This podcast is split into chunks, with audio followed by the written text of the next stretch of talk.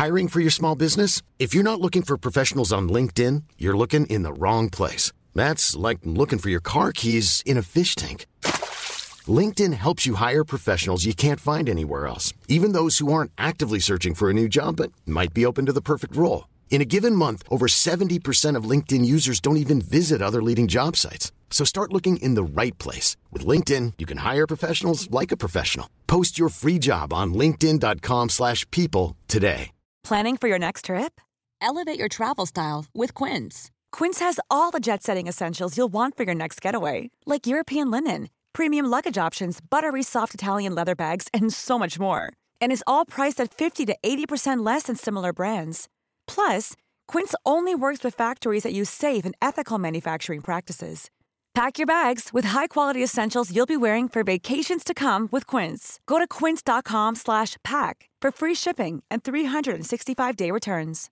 Hey Dave. Yeah, Randy. Since we founded Bombus, we've always said our socks, underwear, and t-shirts are super soft. Any new ideas? Maybe sublimely soft. Or disgustingly cozy. Wait, what? I got it. Bombus. Absurdly comfortable essentials for yourself and for those facing homelessness. Because one purchased equals one donated. Wow, did we just write an ad? Yes. Bombas. Big comfort for everyone. Go to bombas.com slash ACAST and use code ACAST for 20% off your first purchase.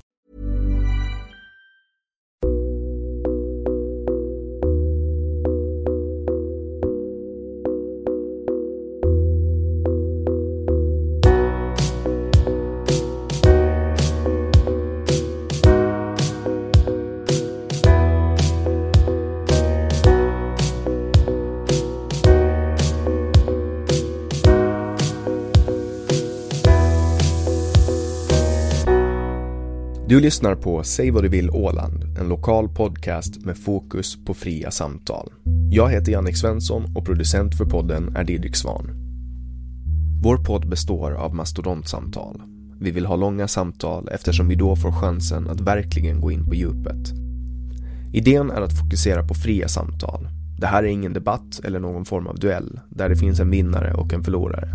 Det här är ett samtal där vi lägger fördomar åt sidan och där målet är att minska polariseringen.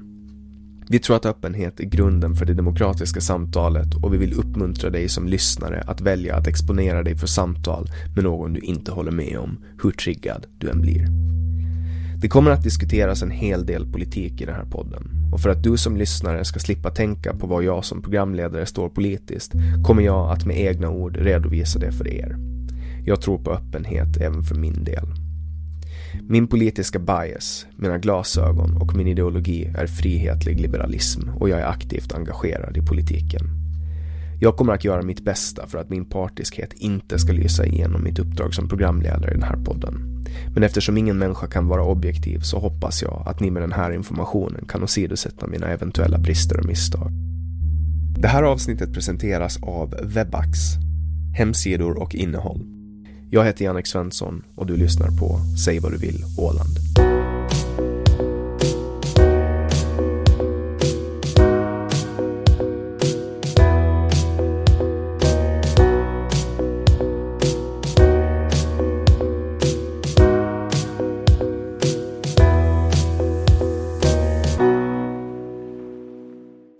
Vår gäst idag är en man som har synts till mer och mer på senaste tid. Han bor till vardags i Bryssel där han jobbar som specialmedarbetare åt Europaparlamentarikern Nils Torvalds. Han är förutom kandidat i Europavalet utbildad ekonom och har en master i European Affairs. På fritiden spelar han gärna golf och innebandy. Han trivs lika bra på en pub i Belgien som på en båt i Hulta. Välkommen hit Anton Nilsson. Tack så mycket, kul att vara här. Du, jag kan tänka mig att du har ett ganska stressat schema nu när det är 16-17 dagar kvar till Europavalet. Ja, nu är det fullt upp faktiskt. Jag gör en ganska ambitiös kampanj faktiskt. Jag försöker se så mycket Åland som möjligt. Jag kommer besöka alla kommuner. Jag försöker träffa så många ålänningar som möjligt och lära mig så mycket mer om det åländska samhället jag bara kan. Mm. Jag kan tänka mig att för många ålänningar så är det här Europavalet första gången de kommer i kontakt med dig. Vad har du gjort innan Europavalet? Jag är född och uppvuxen i Mariehamn, så jag tror som många ålänningar känner vi varandra och vet, vet vem man är. Men jag är som sagt född och uppvuxen i Mariehamn. Jag hade väl en ganska typisk åländsk uppväxt. Jag hade som mest två och minuter och 50 sekunder till skolan. Eh, gick Övernässkola, Övernäs högstadieskola, gick på Luceet och efter Luceet så började jag plugga i Stockholm.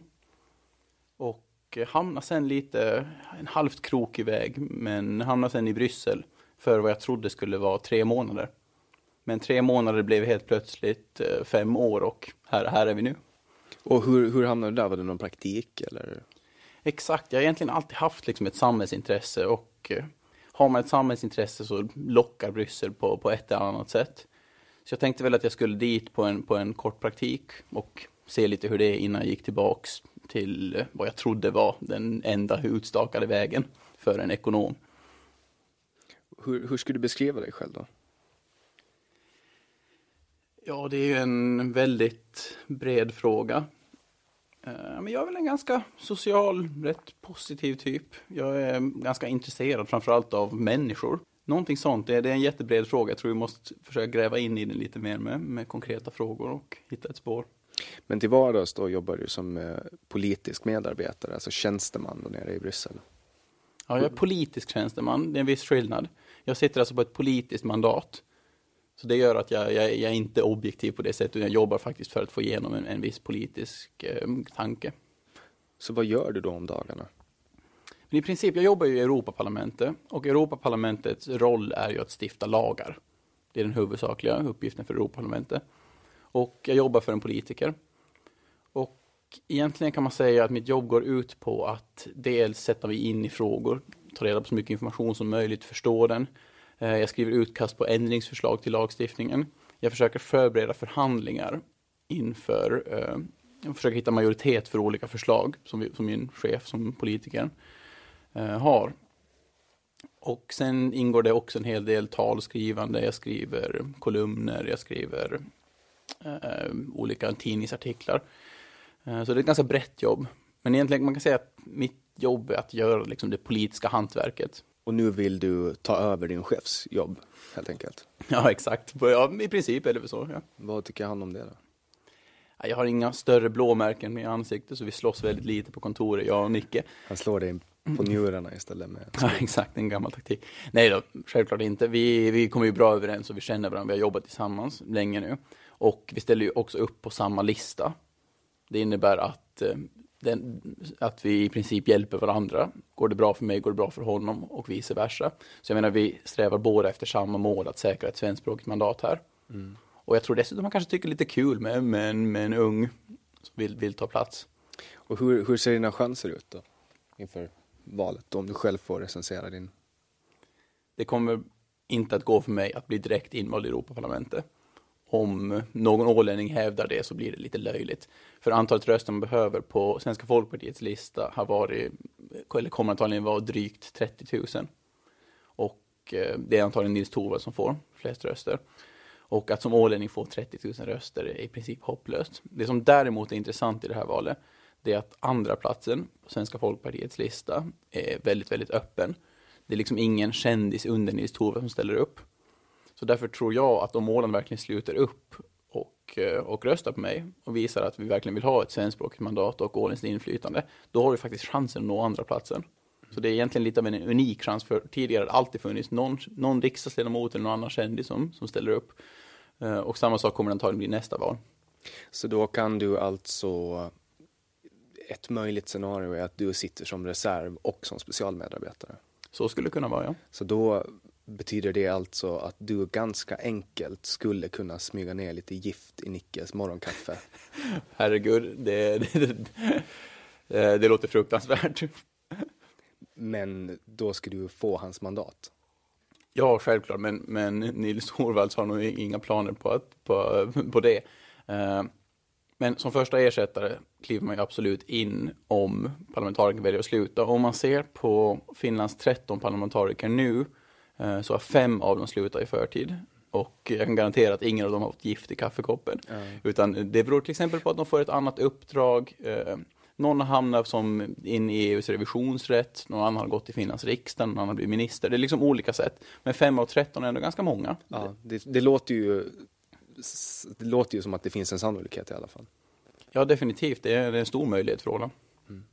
Och om du recenserar ditt motstånd, och det är ju två kandidater på Åland, varav du är den ena och den andra är Camilla Gunell. Hur känner du att hennes konkurrens har...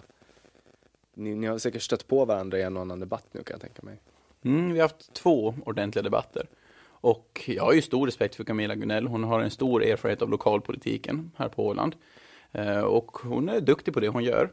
Det som däremot skiljer oss åt väldigt mycket är ju att jag kan EU-politiken. Och EU-politiken är svår. Alltså, man behöver förstå EUs juridik, man behöver förstå eh, politiken i många olika medlemsstater. Man behöver förstå det nationella perspektivet och den klassiska höger-vänster-konflikten. Så det är liksom enormt många olika aspekter på den här politiken. Eh, så det gör att den är komplicerad och väldigt svår. Så jag skulle knappast ha ställt upp i det här valet om det inte vore så att jag verkligen hade erfarenhet av att jobba, både som lobbyist utanför parlamentet, men också inne i parlamentet nu i snart fem års tid. Eh, så det är väl en liksom, tydlig skillnad mellan oss. Vad, Sen, gör, vad gör man som lobbyist då? Det låter ju spännande. Som lobbyist försöker man påverka EUs lagstiftning, men man gör det utifrån egentligen. Och eh, lobbyisternas roll i EU-system är egentligen väldigt, väldigt viktig. Så fort du får ett nytt lagförslag så gäller det att förstå vilken effekt det här lagförslaget kommer få. Och eh, som jag sa tidigare är det väldigt, väldigt komplexa frågor man, man, det handlar om. Alltså att stifta lag för 500 miljoner människor är inte lätt. Och då spelar lobbyister en, en viktig roll, för det är de som kan ge input, det är de som är experterna på de olika områdena. Och så när du till exempel har ett, ett nytt lagförslag på fiskeområde, då träffar du lobbyister från både fiskeindustrin i olika delar, från, från Medelhavet, från Nordsjön, från Östersjön. Och du passar också på att träffa NGOs, och NGOs som jobbar för, vissa jobbar för vissa fiskarter, andra jobbar för fåglar eller eh, marina däggdjur. Så du försöker verkligen få liksom, input från alla olika sidor. Det är alltså som ett fett stort fritt utskottsarbete eh, där man lyssnar på olika... Ja, men det kan man säga. Det, det, det är liksom en en koppling.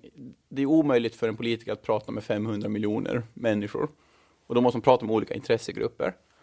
Uh, och där fyller lobby, på det sättet fyller lobbyisterna en ganska viktig roll i EU-systemet. Mm. För man hör ju mycket om den amerikanska lobbyn, liksom, att det är, det är fulspel och det är tobakslobbyn som försöker få folk att dö i cancer och, och så vidare. Är det lika fullt nere i Bryssel? lobbying låter ju ganska sexigt och det är liksom, man har sett häftiga filmer om, om, om lobbyister som eh, betalar stora pengar under bord och så vidare.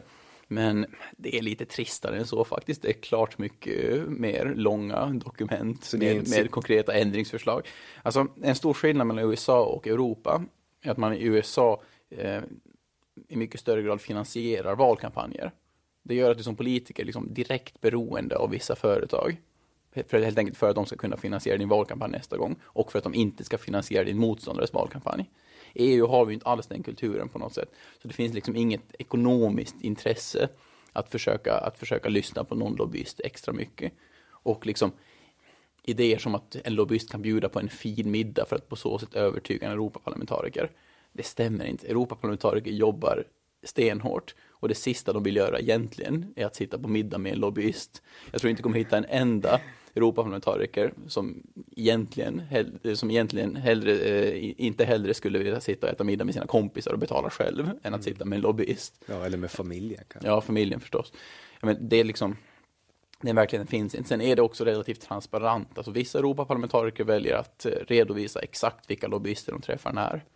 Eh, de flesta lobbyister är också registrerade i ett system. Det finns ett, än så länge, i princip frivilligt register. Eh, eller det är i praktiken frivilligt. Eh, men de flesta lobbyister, är du en seriös lobbyist så registrerar du det där också. Och då redovisar man vad man försöker uppnå? Liksom. Exakt, man skriver ner sin, hur mycket man försöker uppnå, hur många anställda man har, hur stor budget man har för sin, för sin lobbyverksamhet och liksom vilka direktiv du är intresserad av och sådär. Vad har du jobbat med för slags lobbying? Jag började med en, eh, det är mitt första jobb faktiskt, det var en liten lobbyorganisation för landtransport så för nordiska eh, åkerier så vi jobbar för, för jag menar, i lagförslag som gällde, gällde åkerier. Det kunde vara eh, till exempel storlekar på eh, långtradare. Det kunde handla om eh, kör och viltidsregler. Det kunde handla om regler för chaufförer från olika länder. Hur länge kan du köra i ett annat land utan att registrera sig? Det, det där och så. Så då har alltså Transmar till exempel haft en eh, mycket stor påverkan nere i EU indirekt genom dig? Jag tror Transmar, de organisationer, det var den norska, svenska och danska som åkeriorganisationer som var fulla medlemmar. Sen tror jag den finska var någon form av delmedlem. Och jag antar att Transmar var medlem. Så ett par steg bort från Transmar fanns jag i Bryssel på den tiden tillsammans med min danske chef. Eh, men sen har jag också jobbat på en, eh, en konsultfirma. För det finns också lobbykonsulter, att till exempel ett mindre företag som inte kan ha en person på plats i Bryssel hela tiden och kanske har ett specifikt direktiv som är extra viktigt att försöka påverka. Då kan man istället anställa en konsult för att göra det. Så jag jobbar för en svensk konsultfirma i Bryssel ett tag. Det här EU-direktivet som har gått igenom nu om copyright-lagstiftningen, man pratar om artikel 13 speciellt. Hur, hur, har du, eh, hur ställer du dig till det? Det är ju en brännande fråga nu i valet. Ja, det, har, det är ju redan för sent, tåget har ju redan lämnat stationen, men, men vad, vad är din tanke om det? Tyvärr, och eh, jag har ju varit tydlig med att jag skulle rösta nej till copyright-direktivet just för artikel 13, precis som du säger. Det är klart att copyright-reglerna behöver uppdateras till en digital verklighet eh, och det är klart att kreatörer ska få betalt för sina produkter. Men sättet man har utformat direktivet på funkar helt enkelt inte i praktiken. Det är skrivet av sådana som inte förstår vad internet är. Så jag hade definitivt röstat nej till det. Frågan är som du säger, till viss del död i och med att det är färdigt, det är klappat och klart nu. Det här direktivet kommer inte att gå att ändra just nu. Men det är fortfarande intressant, för alla EU-direktiv, efter att de har beslutats om i Bryssel, så ska de implementeras av medlemsländerna. Och när de implementeras kommer det ske på lite olika sätt. Och det ska bli väldigt intressant att följa med hur medlemsstaterna väljer att implementera det här. Behöver man implementera den? Ja, man om man inte implementerar åker man till domstolen och där får man stora böter. Så på något sätt behöver det implementeras. Men det finns alltid en viss flexibilitet. Om vi tar ett konkret exempel, äh, fågel och habitatdirektivet. Ja, det finns. känner ju alla till som lyssnar. Nej, men det, det handlar helt enkelt om att skydda, att skydda fåglar. Och, och effekten det får tror jag de flesta känner till. Eh, skarvjakt. Finska myndigheter, de har valt att implementera direktivet så att det förbjuder skarvjakt. De säger att EU har förbjudit skarvjakt. Medan åländska myndigheter har tolkat det korrekt menar jag och säger att EU-direktivet tillåter viss skarvjakt. Så på varsin sida om skiftet så har man olika tolkning eller olika implementering av samma direktiv. Så det visar liksom på vilken skillnad det kan bli mm. i implementeringsfasen. Vad säger EU om den saken? Då? Än så länge har EU inte sagt någonting, så det tyder ju på att, alltså det är klart finska myndigheter kan gå längre än EUs direktiv, det har de inget emot. Det är klart Finland själva kan välja att förbjuda skarvjakt om de så vill. Mm. Men de har gjort det med hänvisning till EU och det menar ju vi att det är fel. För Åland gör helt korrekt, tillåter en viss skarvjakt. Hur mycket vet folk om Åland i, nere i Bryssel? I grunden väldigt lite. De gånger man, man hör någon som känner till Åland så är det ofta typ folkrättsnördar eller någonting sånt som har läst på om, om Ålandsöverenskommelsen när de studerade. Men i regel ligger vi, vi långt borta. Uh, Åland är också unikt, alltså dels känner väldigt få till Åland som så, men det är också väldigt få som känner till vad det innebär att leva i en skärgård. Alltså att ha, att ha 6500 öar är jättemärkligt för de flesta europeer. Och finns det någon eh, Ålandslobby där nere? Ja men i princip, E- på ett sätt är väl de flesta lobbyister på ett eller annat sätt som verkar i Bryssel. Men det vi har är en specialrådgivare på Finlands representation. Men som är anställd av eh, landskapsregeringen.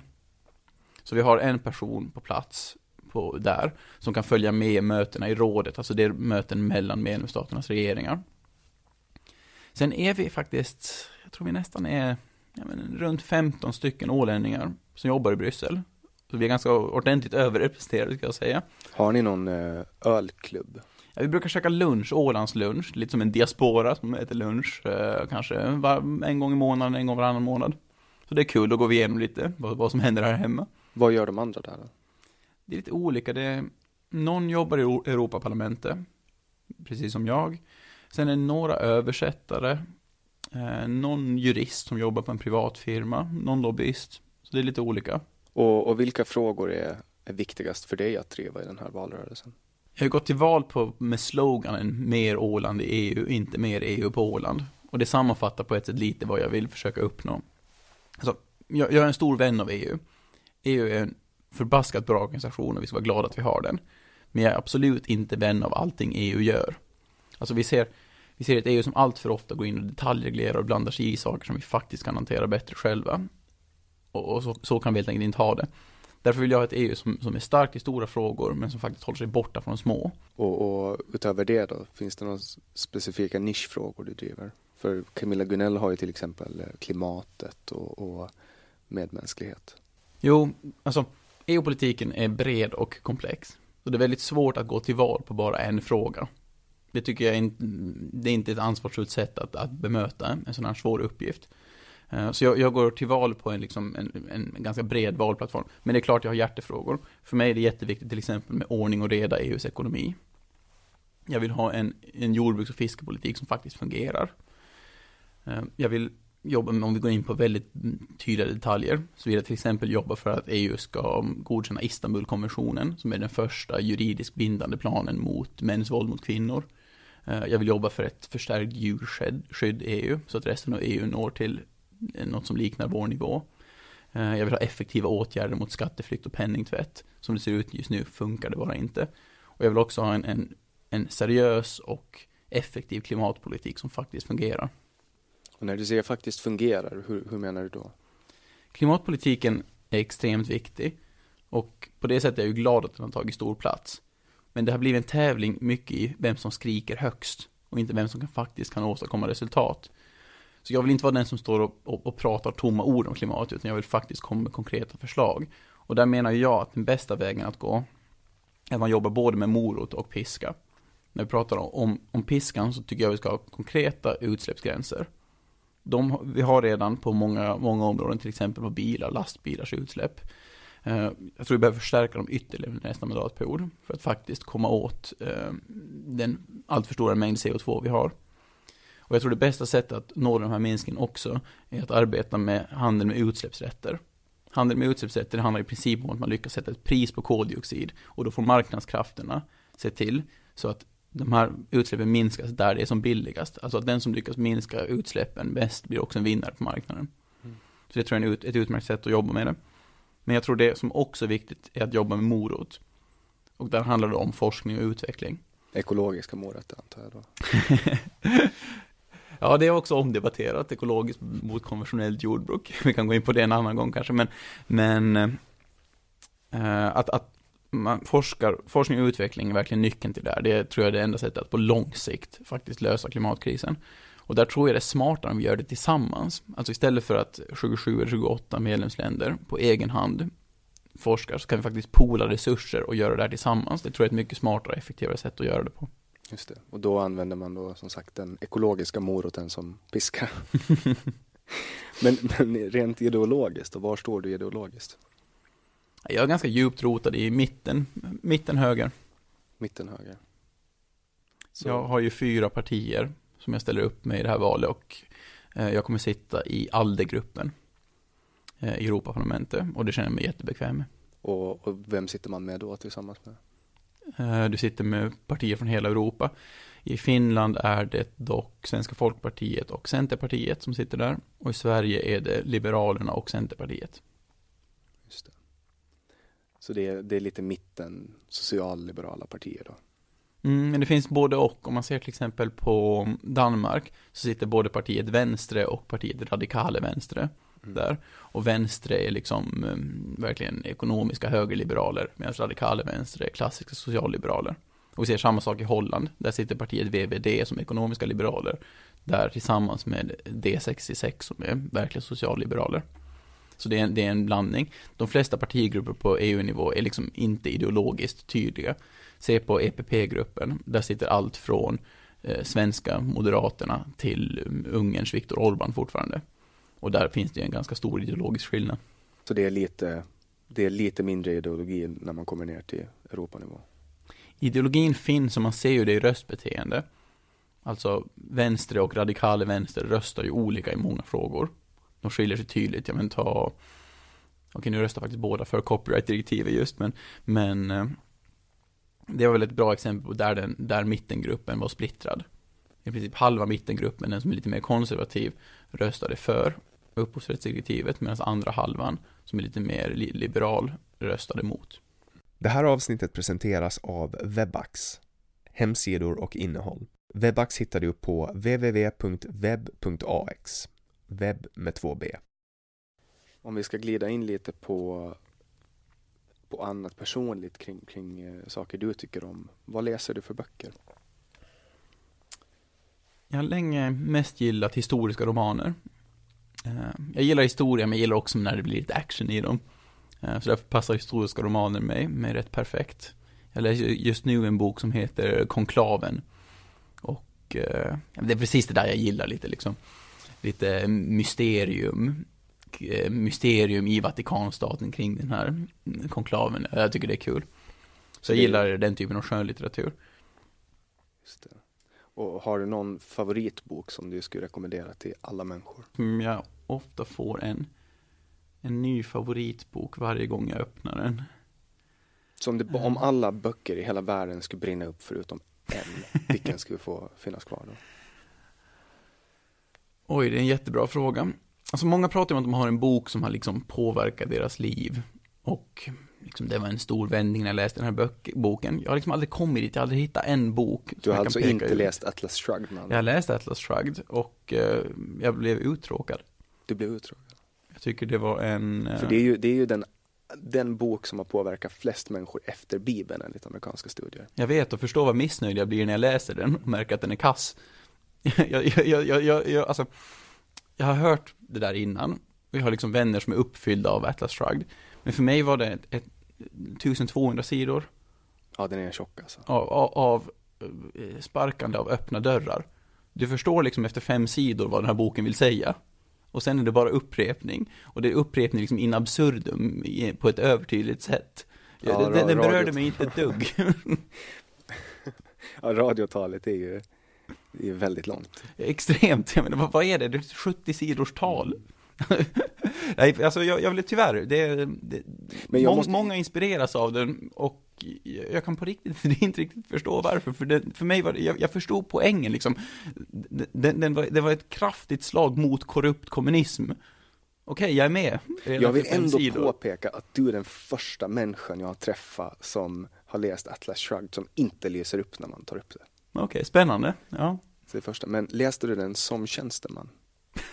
jag läste den när jag var, men jag, jag var ju liksom också den perfekta målgruppen. Du vet, jag, var, jag var en ung frihetstörstande eh, student eh, som läste den, så jag, jag, liksom, på många sätt borde jag väl vara den, den perfekta målgruppen för den, när jag läste den. Du kanske bara har någon hjärnskada?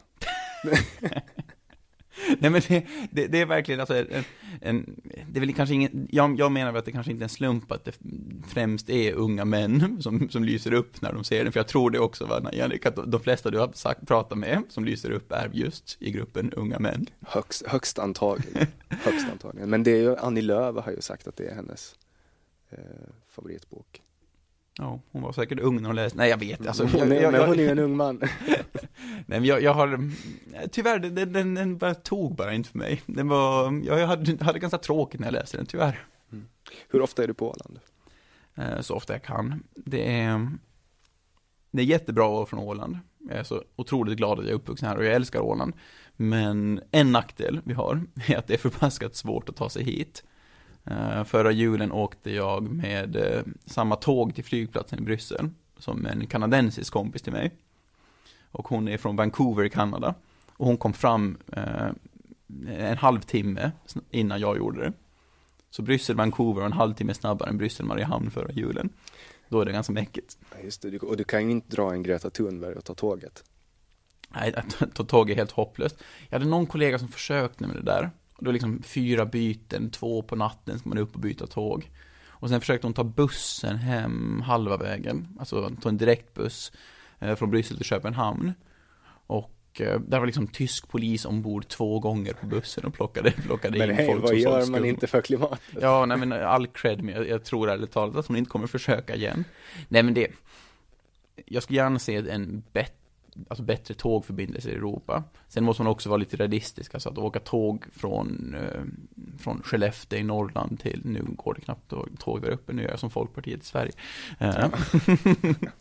Nej men alltså att, å, att åka tåg från, från, från Sverige eh, till Rom det kanske, liksom, det kanske inte är gjort för det, det kanske inte är, kanske inte är det bästa sättet att ta sig. Mm. Så därför tror jag det är smart att, att bygga ut och ha gemensamma standarder för tåg i Sverige, men, eller i hela Europa, förlåt. Eh, men det kanske inte är nödvändigt att, att, att gå hela vägen. Har du varit på Interrail någon gång? Jag har aldrig haft Interrail-kort, men jag har åkt en hel del tåg nu. Det är så himla smidigt i Bryssel. Eh, och det här är ju tufft för en ålänning, för på två timmar i Bryssel är jag i fem olika länder. Två timmar i Mariehamn är jag ju nästan i Norrtälje. Ja. Det tycker jag är riktigt, riktigt coolt att kunna åka runt. Ja, med Sjöfartsverkets helikopter tar det 20 minuter till Norrtälje. Okej, ja men då hinner man längre.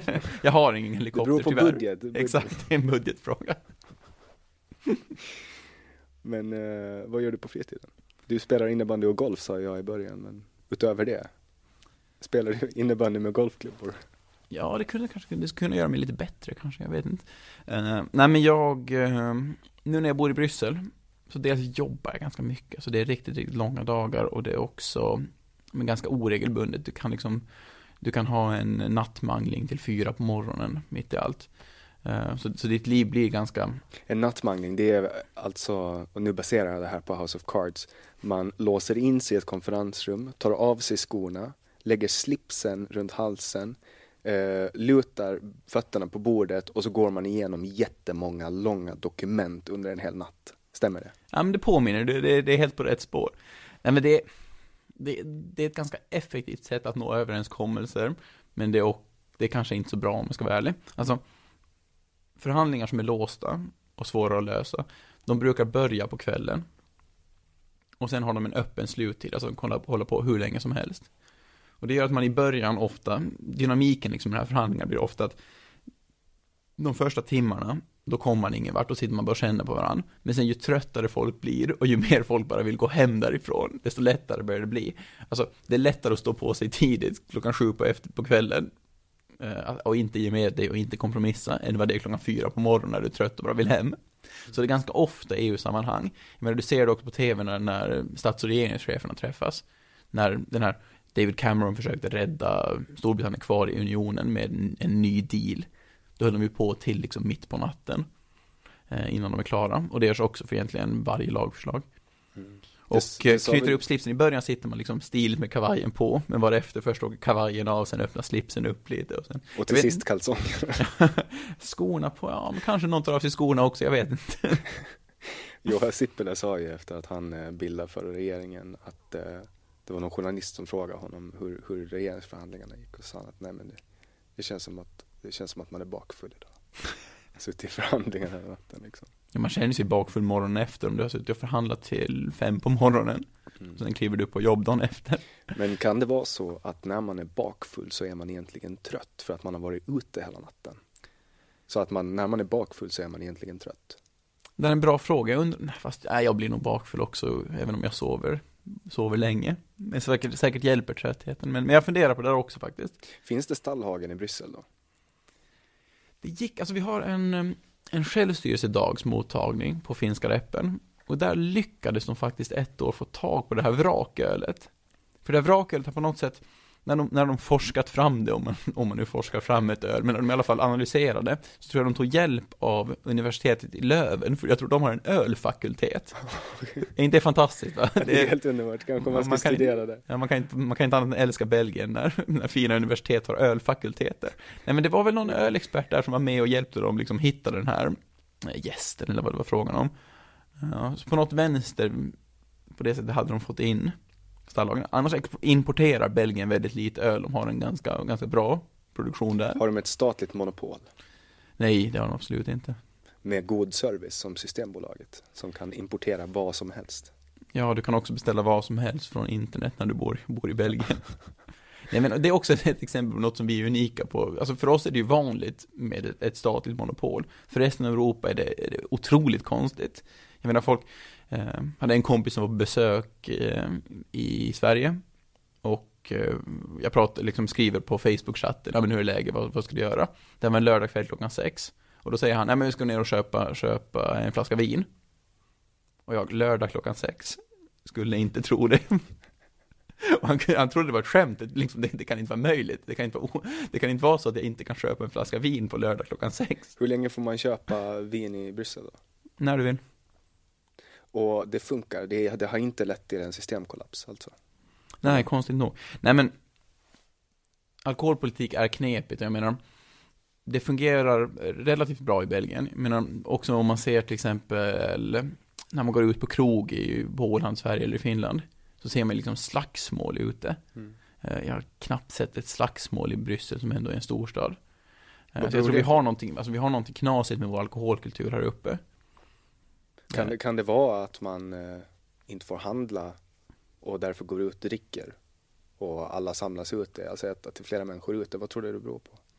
Nej, folk är ute också, också i Belgien. Jag tror man har en annan, ett annat synsätt på alkohol. Alltså folk, alkoholen är ganska närvarande i liksom gatubilden. De har också, med saker som serveringsområde, också okänt för, för average belgare. Alltså du, du, du tar din öl mellan barer. Det är så. Eh, på, på torsdagar utanför Europaparlamentet är det en stor after work. Där alla byråkrater. ja, så här blir det ju galgbacken om man ska ta med sig en öl från Garden till Park. Ja, ja, det, det, det är helt förbjudet. Och jag menar, det, ägaren av restaurangen hamnar i trubbel om någon står utanför serveringsområdet och dricker en öl. Nej men där på det här torget, där går det liksom, då, de, de har börjat med plastglas nu. Eller de hade plastglas nu efter EUs eh, e direktiv mot plast tror jag de går tillbaka till någon form av någonting annat men, men fall för att liksom, Ja men för att kunna gå mellan, mellan barer, så en sån sak också.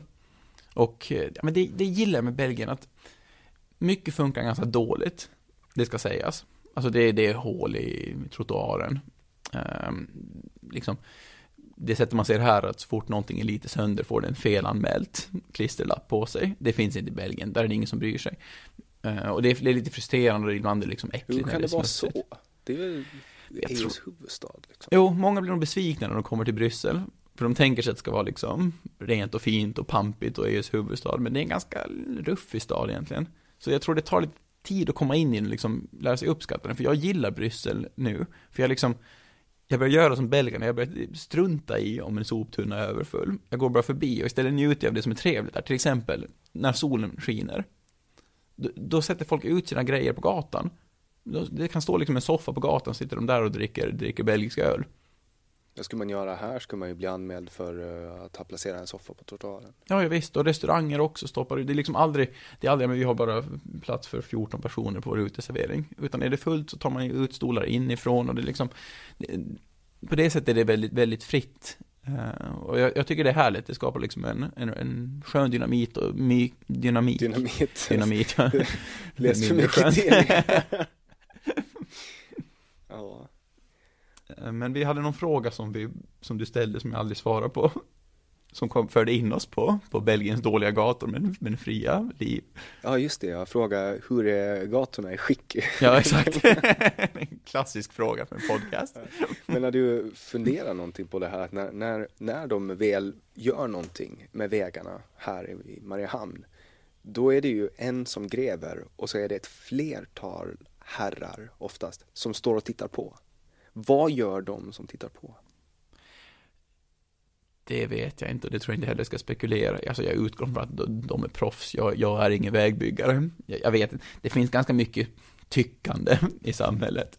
Där, där många är experter på allt möjligt. Men jag tror det är bättre att vi låter vägbyggarna och de som kan bygga vägar avgör hur det görs mest effektivt. Du vill alltså inte från Bryssel genomföra antalet vägbyggsarbetardirektivet? Nej, jag tror man ska hålla sig duktigt långt borta från det. Finns det någon sån lobbyorganisation? Vägbyggarna, det ska inte förvåna mig. Alltså det finns jättelustiga lustiga lobbyorganisationer. Vilken är den konstigaste du har hört? The Balloons and Party Council.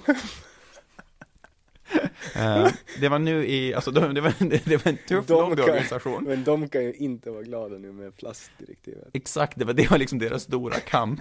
För ballongpinnar hamnar ju med på den här listan över, över förbjudna engångsplastartiklar. Så Balloons and Party Council gjorde en storartad insats för att försöka försvara ballongpinnarnas rätt att existera, men, men tyvärr lyckades vad, vad, de inte. Vad sa Heliumförbundet då? ja, ja. Det är en bra fråga, jag undrar om jag borde ha gjort något mer, någon, någon gemensam Ja, men policy då måste jag blivit glad för du vet så fort man sumpar ballongstickorna så går man ju till helium, det vet ju alla. Kanske det var någon sån, någon, något bråk bakom kulisserna där mellan Heliumlobbyn och Balloon and Party Council. Så om, om du eh, inte kommer in och blir sparkad som specialmedarbetare, då börjar du jobba för The Balloon and Party Council.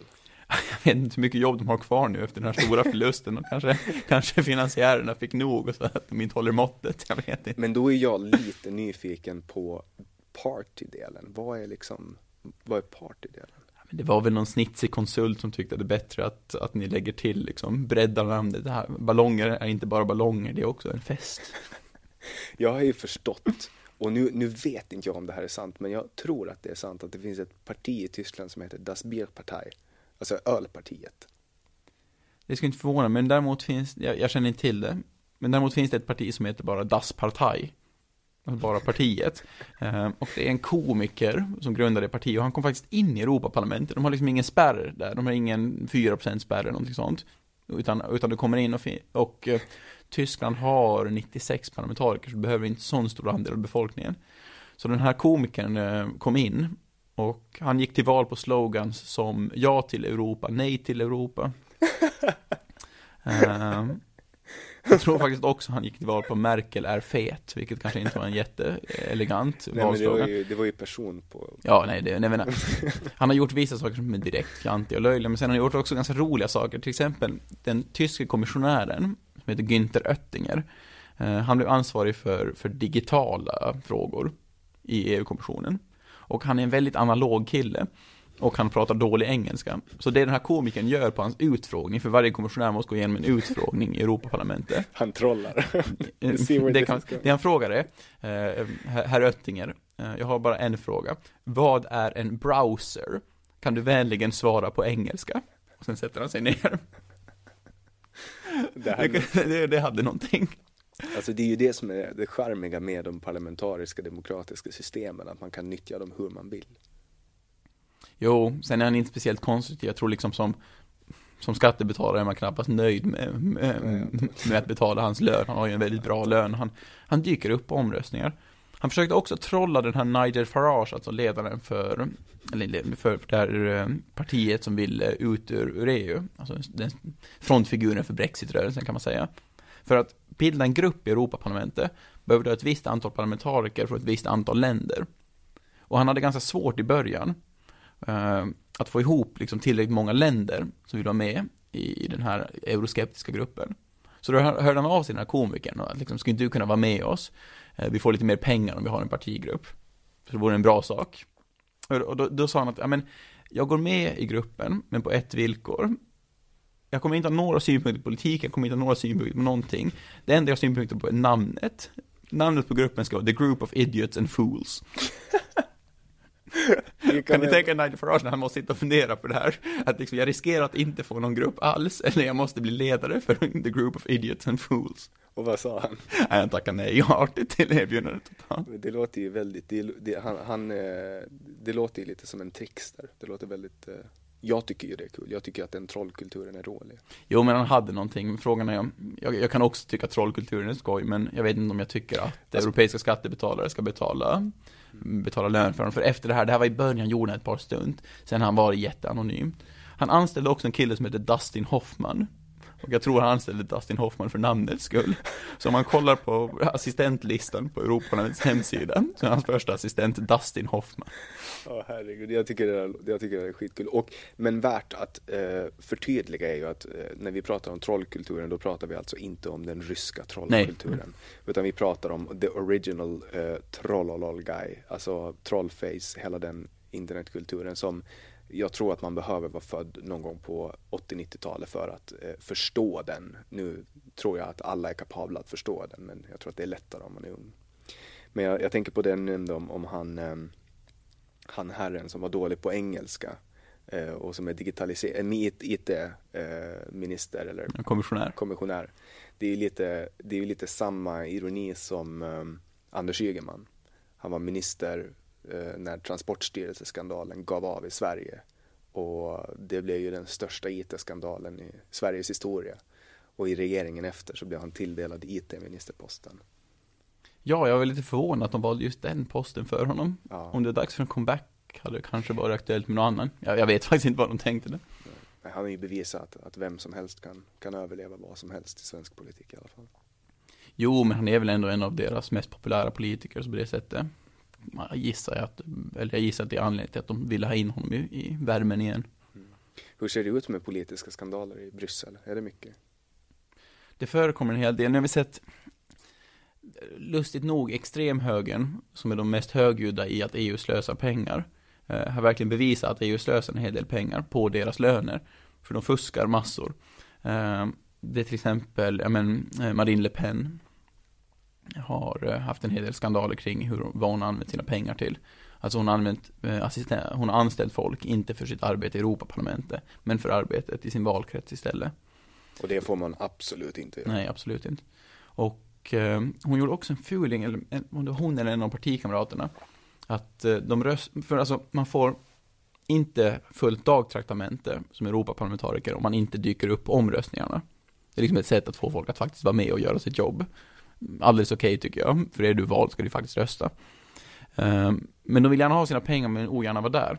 Så de hade satt i system att rösta två gånger, att liksom en person röstar för båda, att man sträcker över handen och trycker på knappen för två pers. Wow. Samtidigt. Men det de inte tänkte på var att det filmas ju, omröstningarna filmas hela tiden. Så de åkte dit så det small om det. Och sen närvaron också, det är ju, oj oj oj. Uh, så det är ett par sådana. Men det läser man, jag har aldrig hört talas om det.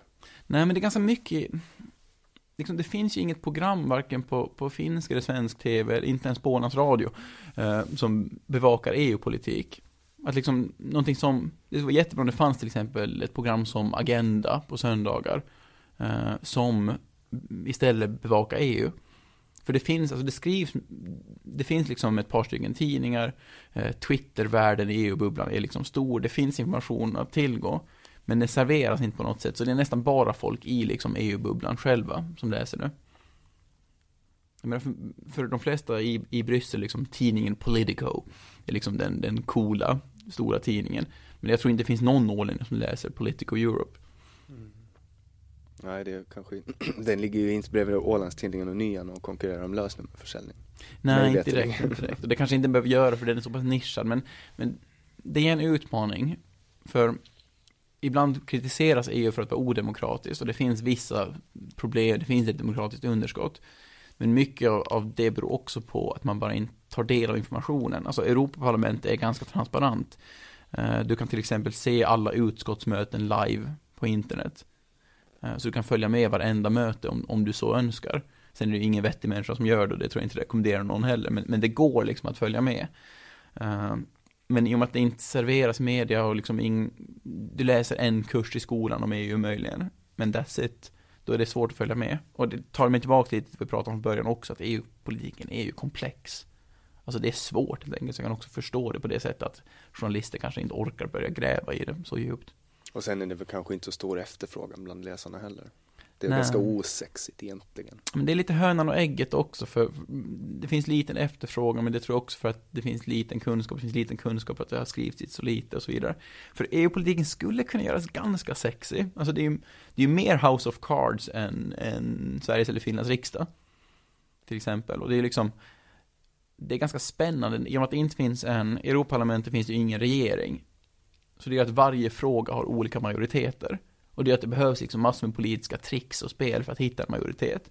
Och det ska man kunna göra ganska, ganska sexigt och ganska intressant. Pratar alla engelska där? EU har ju...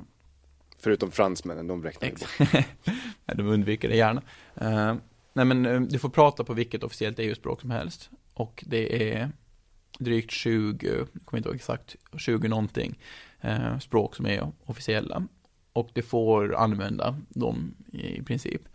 Men i praktiken ska jag säga att informellt pratar nästan alla engelska. Förutom fransmän. Förutom fransmän. Men till och med fransmän, så länge ingen filmar dem, de vill aldrig synas på en kamera att de pratar engelska. Mm. Fram till Macron nu som har faktiskt börjat våga prata lite engelska på, även framför kameran. Eh, men många av fransmännen också pratar engelska. Så liksom, i teorin behöver du ju inte kunna engelska. Du ska ändå kunna jobba i Europaparlamentet. Men en bra engelska är liksom en förutsättning för att kunna vara riktigt effektiv och riktigt duktig, ska jag säga. Det måste ju vara väldigt höga kostnader för översättningar. Det, det är det. Det är svindyrt. Och de är också extremt duktiga. Alltså de, de översätter ju simultant. Eh, och de är hyperproffsiga. Ja, det är ju inga, det är ju inga lättsamma söndagsseglar-konversationer som översätts direkt. Det är väl ganska tunga direktiv och grejer, lagtexter. Ja, men hopplöst. Tänk dig en sån sak som bara alla fiskearter ska du kunna på ett antal språk. Det är liksom, det är ganska detaljerade grejer man pratar om ofta. Jag är imponerad, tolkarna är alltså, är riktiga proffs. För det går alltså, det går att förhandla med två olika språk. Och det är egentligen ganska tufft. Du kan sitta, du kan sitta sex personer där fyra pratar helt olika språk och du ändå har en förhandling om liksom lagtext framför dig. Så under en eh, nattmangling där det finns sex olika språk eh, tar även översättarna av sig slipsen? Bra fråga, de brukar vara ganska proffsiga. Alltså översättarna sitter liksom bakom, bakom en semitransparent glasvägg i som olika kurer, så de inte ska höra varandra. Uh, men jag tror nog, jag kan nog tänka mig att några av dem börjar knäppa upp slipsen lite, men de är annars formella, de är ganska välklädda och liksom beter sig proffsigt och värdigt i alla lägen. Alla har inte slips i Europaparlamentet, du kan se lite på folk eh, vilken partigrupp de kommer från, beroende på vilken klädsel de har. Är du från den kristdemokratiska gruppen, då har du alltid slips, ska jag säga. Alla, alla män i alla fall. Och prästkrage. Eh, ja, men du är ordning och reda på dem.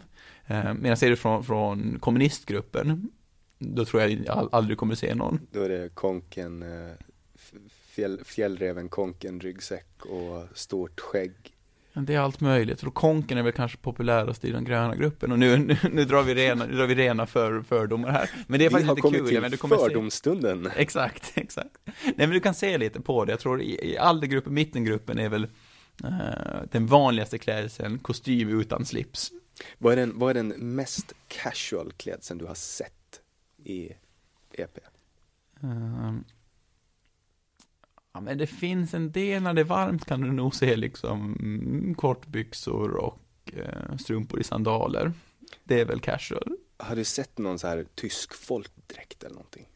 Jo, men det kommer, det är en massa spektakel i Europaparlamentet med jämna mellanrum. Där uh, Alltså en, en, parlamentariker får ett visst antal gånger hyra upp en del av parlamentet för en utställning eller något sånt. Och ibland väljer man att ha en traditionell dans eller någonting sånt. Så det kan vara så att jag är stressad mellan två möten och så blir jag inringad av en bulgarisk folkdansgrupp. Så det kan, det kan hända och det är väl casual. Vi har faktiskt casual fridays ofta. Det är, eh, på fredagar är det tänkt att, att eh, politikerna ska vara hemma i valkretsen. Och det gör att alla vi i personalen passar på och klär klä oss lite, lite mer ledigt och så att de inte ser nej, men atmosfären är mycket, mycket eh, liksom lugnare på en fredag. Medan man måndag till torsdag springer och har massor med möten. Så är fredag liksom dagen man kan städa upp lite. Och nu börjar vi närma oss slutet för den här intervjun. Och det har varit jättekul att ha dig här.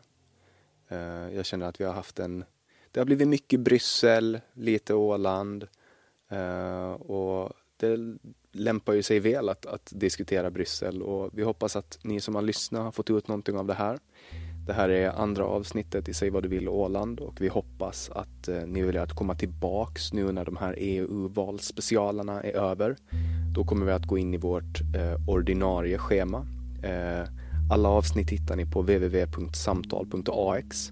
Vi hoppas att ni har haft lika trevligt som vi har haft. Eh, önskar er en riktigt trevlig dag. Jag heter Jannik Svensson, producent för det här avsnittet var Didrik Svan. Du lyssnar på Säg vad du vill Åland.